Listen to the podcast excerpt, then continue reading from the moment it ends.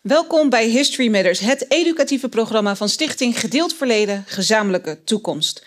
In dit programma worden we bijgepraat over het koloniale en slavernijverleden van Rotterdam. Samen met studenten van Albeda Zatkin en de Hogeschool Rotterdam voel ik wetenschappers, historici en Rotterdammers aan de tand over wat zich heeft afgespeeld en hoe dat doorspeelt in het heden. Mijn gasten in dit deel van het programma zijn historicus en schrijver Reggie Bai, gespecialiseerd in de koloniale en postkoloniale literatuur en geschiedenis, en spoken word artist Joey Len. Mijn naam is Hasna Elmaroudi. Laten we beginnen. Zo, Reggie, welkom. Fijn dat je er bent. Dankjewel.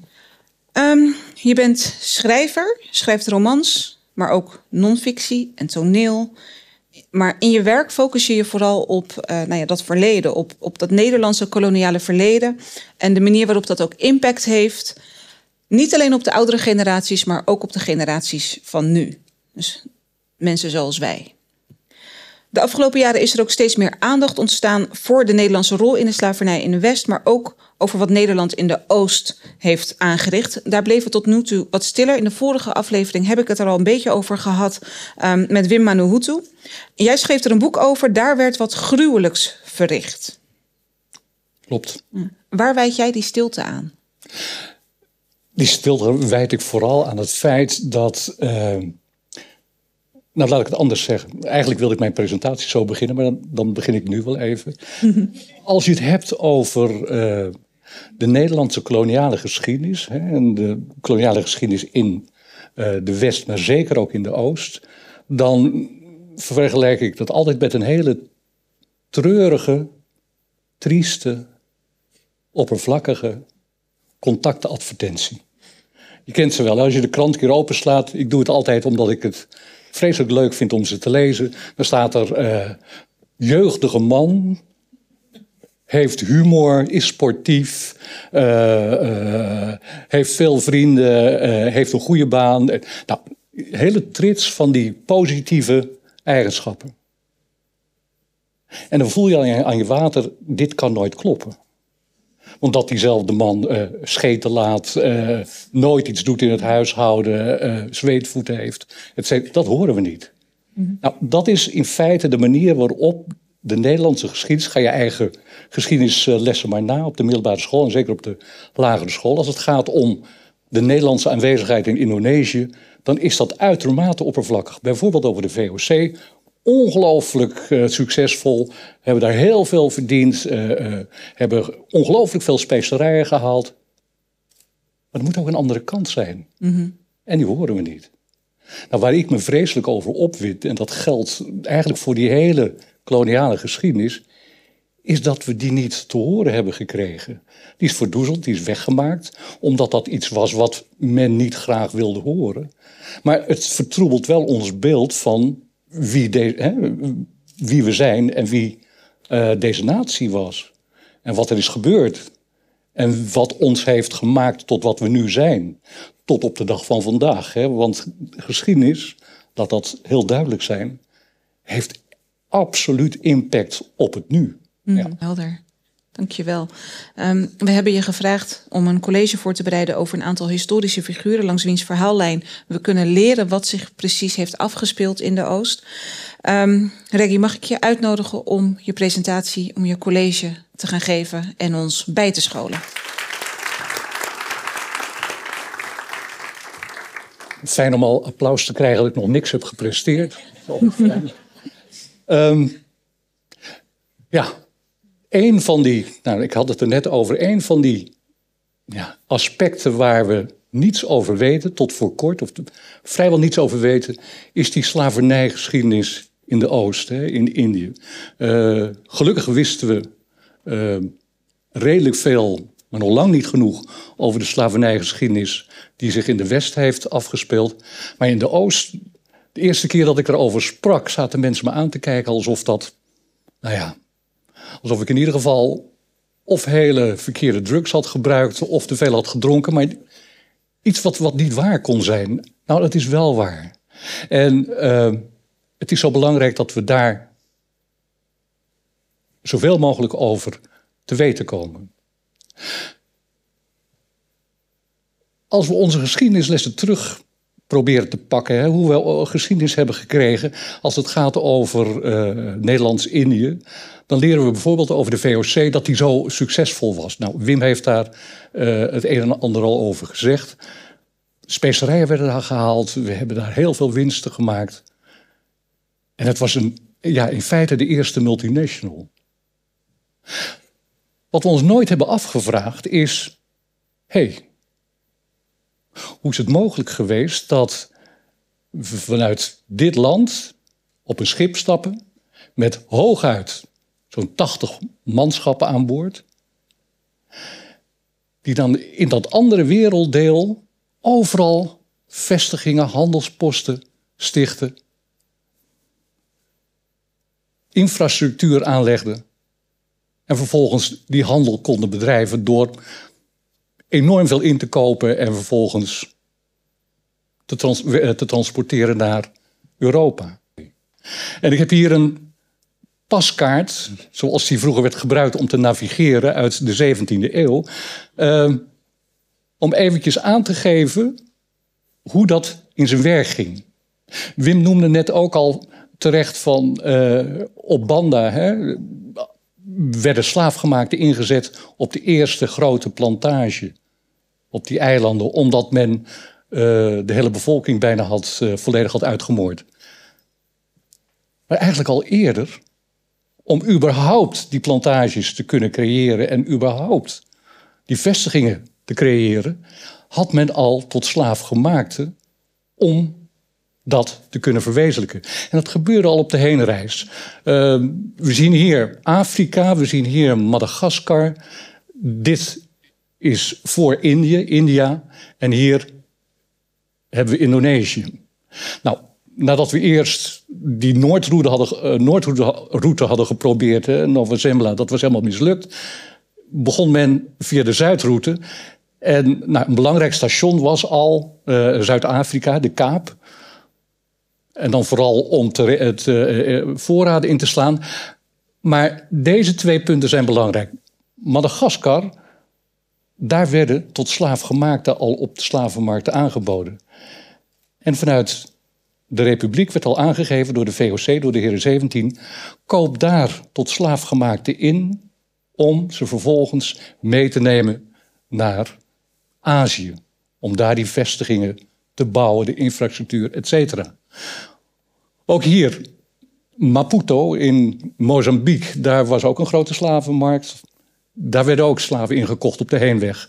Uh, Mombasa, hè, wat we vooral kennen uh, toen we nog mochten reizen, als kustplaats waar je uh, heerlijk kan verpozen. Dat was ook een enorm grote slavenmarkt. Ook daar werden tot slaafgemaakte ingekocht.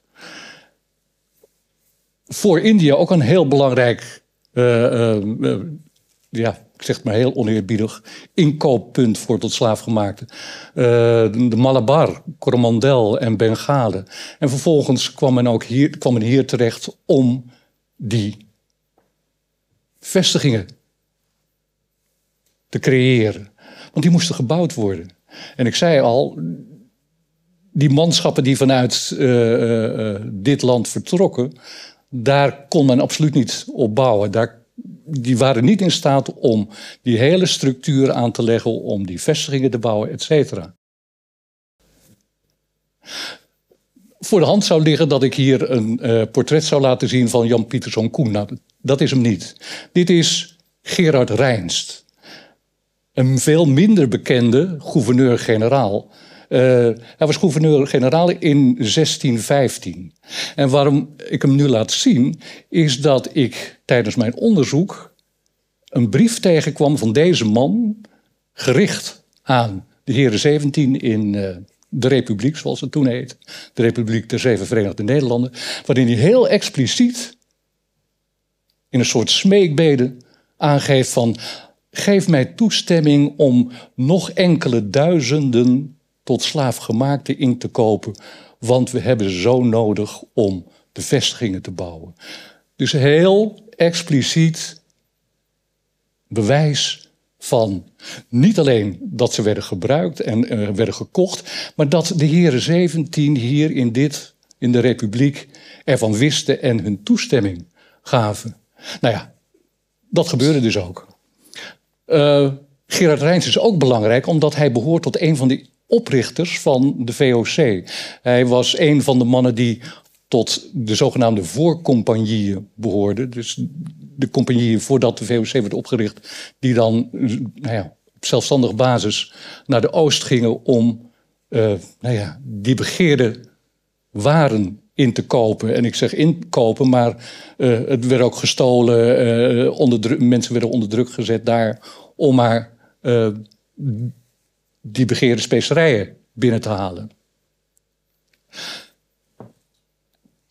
Ik wilde eigenlijk het liefst een foto laten zien of een, een portret laten zien van een uh, tot slaaf gemaakte uit de Oost. Maar dat is heel moeilijk, want die portretten zijn er bijna niet.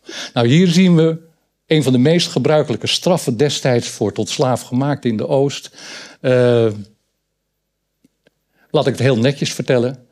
Hier wordt met gloeiende tangen wordt het vlees van iemands lijf gerukt, omdat hij ongehoorzaam is geweest.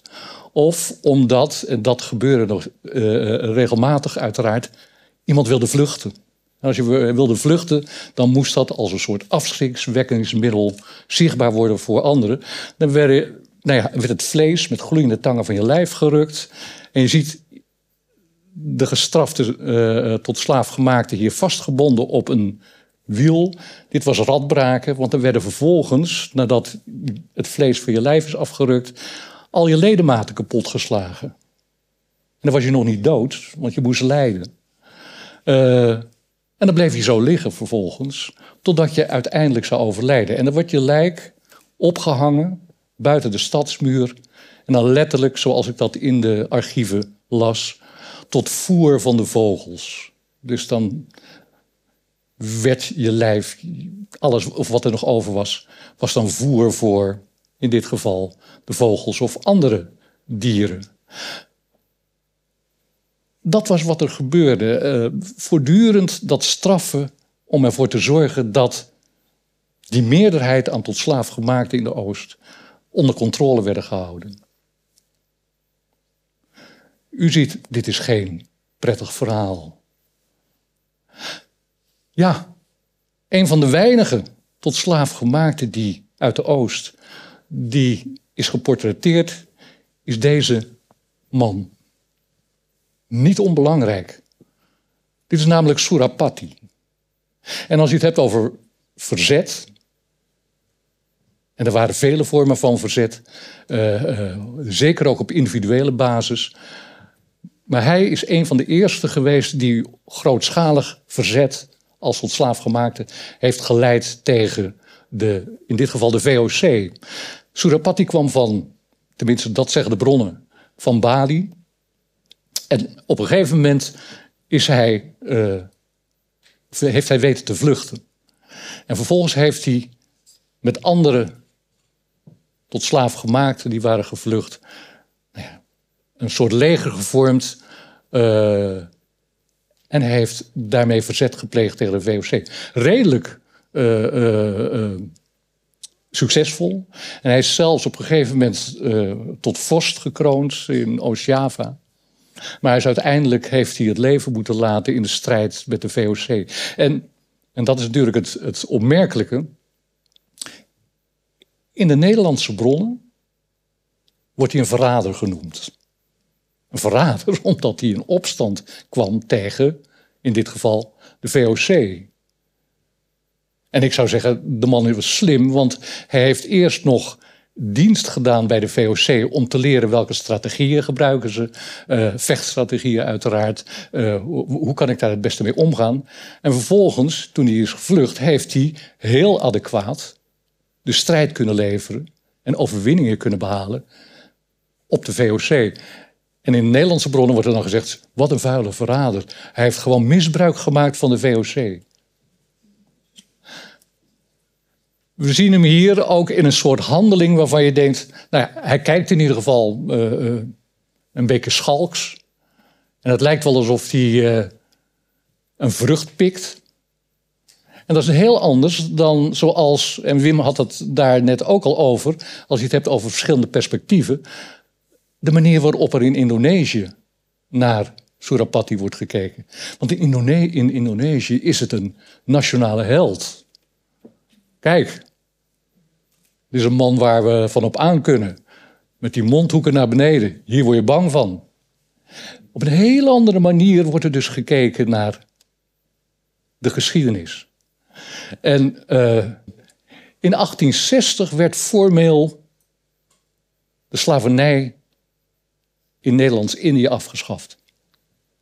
Maar dat was echt een wassen neus. Of hoe zeg je dat op zo'n Rotterdams?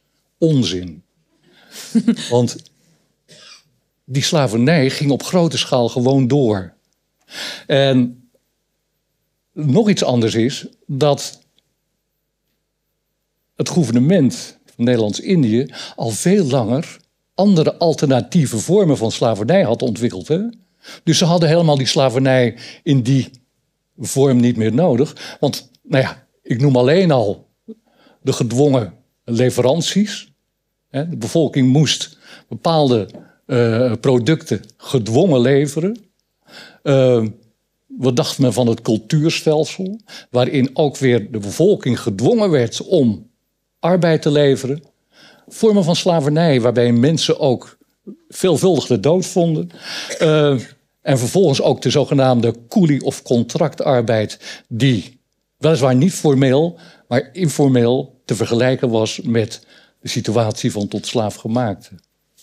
En ik denk dat ik nu al een beetje over mijn tijd heen Bedankt.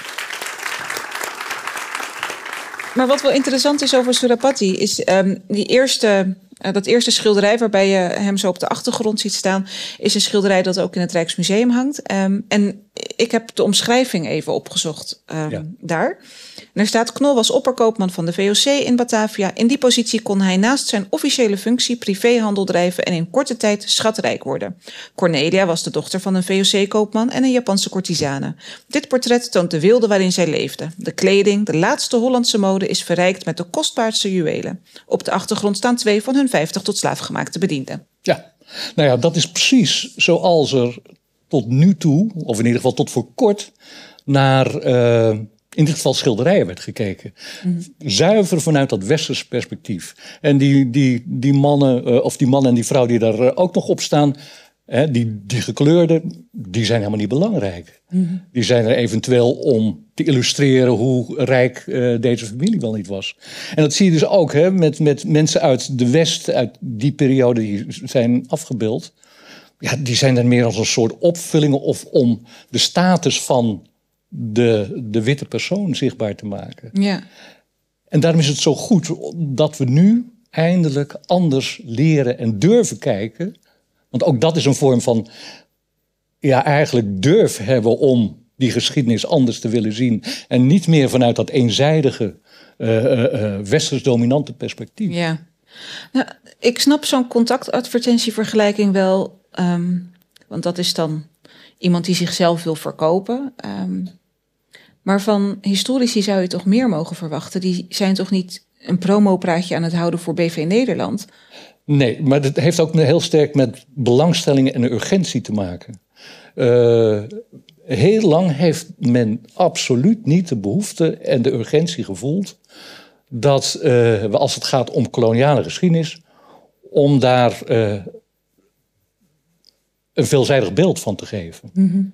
Uh, die behoefte was er niet. Nee, we, en je, wat je niet moet vergeten is dat uh, ons beeld van de Nederlandse geschiedenis ook heel erg vorm heeft gekregen in de 19e eeuw.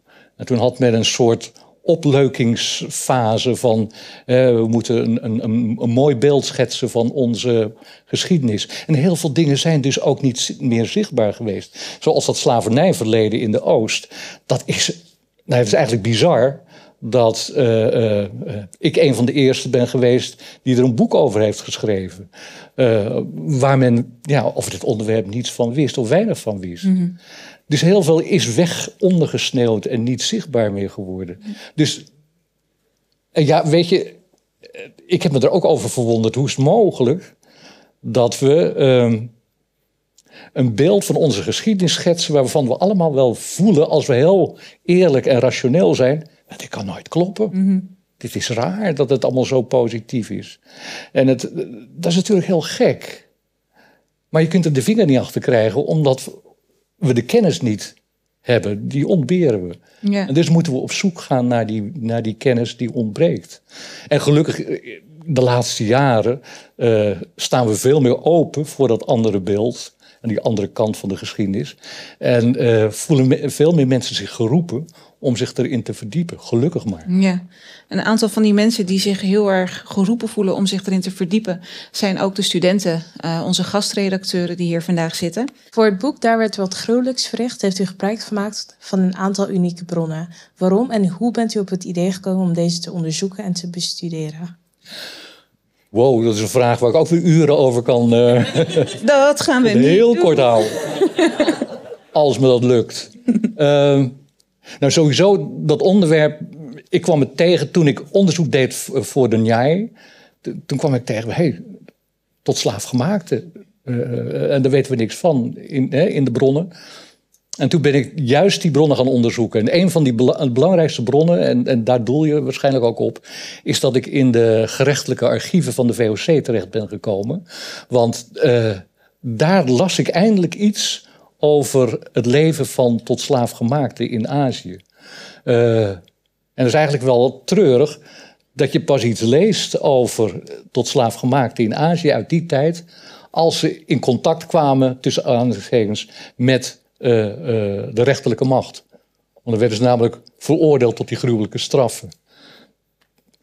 Maar het gaf wel een beeld van wat er met die mensen gebeurde. En hoe ze bijvoorbeeld tot slaaf werden gemaakt. Dus dat waren hele belangrijke bronnen. En uh, ja, ik moet je wel zeggen dat ik. Geschiedenis is natuurlijk fantastisch als je daar allerlei gegevens in vindt. Maar de geschiedenis is ook heel erg gruwelijk. Dus ik heb af en toe ook, als ik dan las hoe iemand werd gemarteld. Uh, het even weggelegd. En of de volgende dag kwam ik dan terug in het archief om verder te lezen. Maar het, het is wel heel belangrijk dat we die bronnen gebruiken.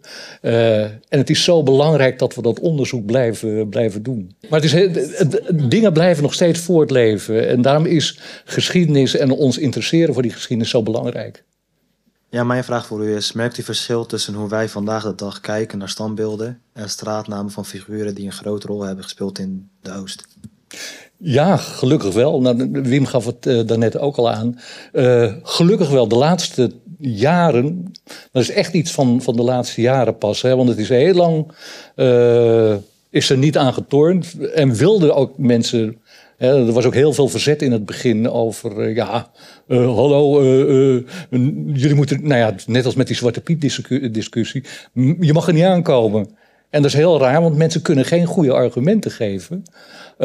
Waarom we bijvoorbeeld die verering van Jan Pieterszoon Koen, hè, zoals dat heel lang is geweest, waarom we dat toch in een ander daglicht moeten, moeten zien. Er is gelukkig wel nu een kentering gaande. Gelukkig zijn we nu, willen we kritischer zijn.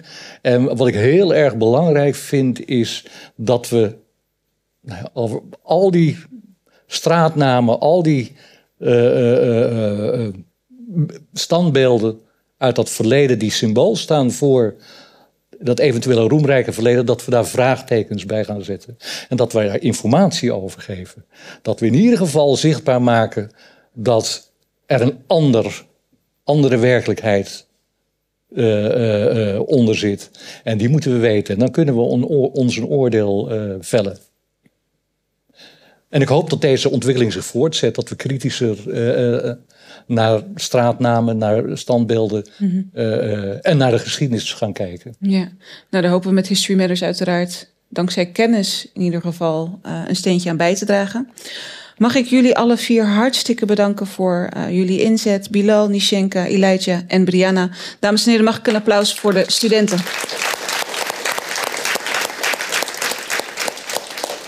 En Reggie, mag ik jou ook enorm bedanken voor je komst en voor je college en uh, voor het bijspijkeren van uh, toch een stukje kennis waar veel mensen denk ik geen weet van hadden. Het is nu tijd om te gaan luisteren naar niemand minder dan Joey Len. Joey is spoken word artiest, fotograaf en danser. Ze houdt zich het liefst bezig met projecten die crosscultureel zijn binnen thema's van identiteit, seksualiteit en vrijheid. Joey bouwt bruggen met verhalen verteld vanuit het perspectief van een third culture kid en een Zuidoost-Aziatische vrouw. Mag ik een warm applaus voor Joey Len? Wij wonen in een havenstad. Een portaal naar de rest van de wereld. Vanuit onze luie stoel kijken wij toe naar de globale handel. Met een bakkie koffie en natte thee in hand gluren we uit de ramen van onze wolkenkrabbers. Ons internationale stad, de New York van Nederland. Ironisch hoe deze vergelijking zo precies is. In de keuken wordt een oosters geïnspireerd knorgerecht gemaakt. Extra nootmuskaat wordt aangeraden om de authentieke smaak te bewaren. Zakjes gelabeld met precies genoeg voor twee monden, zodat we niets op gevoel hoeven te doorgronden. Als Nederlander zijn we zo trots op onze pragmatische nuchterheid. We wijken af van dat Amerikaanse, dramatische tierenlantijn. Maar wat als een deel van onze verhalen verloren is geraakt? Onder tapijten geschoven waarvan de draden door Oosterse handen zijn gemaakt. Zijn wij de drama van kolonisatie vergeten? Of inmiddels zo comfortabel in onze skyscraper dat we er niks meer van hoeven te weten? Waar zijn de verhalen van de mensen? De ervaringen van oma toen ze moest vluchten uit een land die al lang niet meer van haar was. Om aan te komen in regenachtige Nederland, waar ze regels moest volgen zonder tussen de regels door te kunnen lezen. Aardappels leren koken om perfect stampot te maken, zodat ze een verblijfsvergunning mocht aanvragen. Pas je maar aan. Je hebt geluk om hier te mogen zijn. Wees dankbaar, want de land waar je vandaan komt die is met ons behulp al lang weggekwijnd. Waar zijn de verhalen van tot slaafgemaakte Zuidoost-Aziaten? Verhalen van de WOC die niet alleen specerijen, maar ook in mensen handelden. Hoe kunnen we vandaag genieten van nootmuskaat als we binnen het debat rondom racisme Aziatische identiteiten steeds overslaan? Hoofd omlaag. Trek geen aandacht naar jezelf. Verdraag de pijn alleen als een bontjas die je de jungle insleept. Houd een hand over je mond, zodat de woorden van het verleden er niet per ongeluk uitvallen.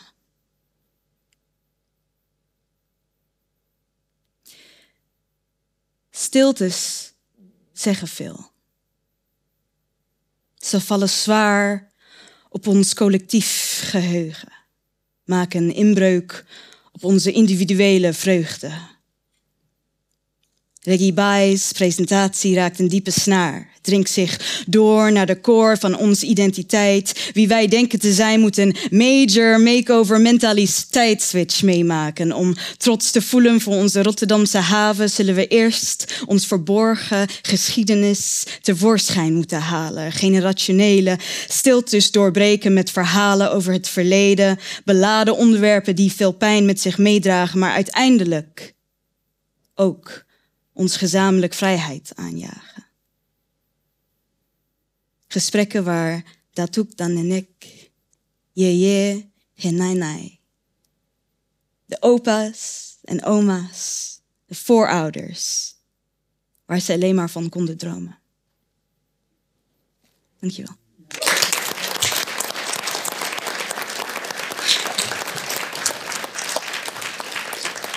Wauw. Zoe, dank je wel weer. Wat ontzettend mooi. Dank je. Je hebt dit stuk speciaal voor vandaag geschreven. Volgens mij zag ik je ook nog zitten en bij pennen. Ja. Hoe, heb je, hoe ben je te werk gegaan? Uh...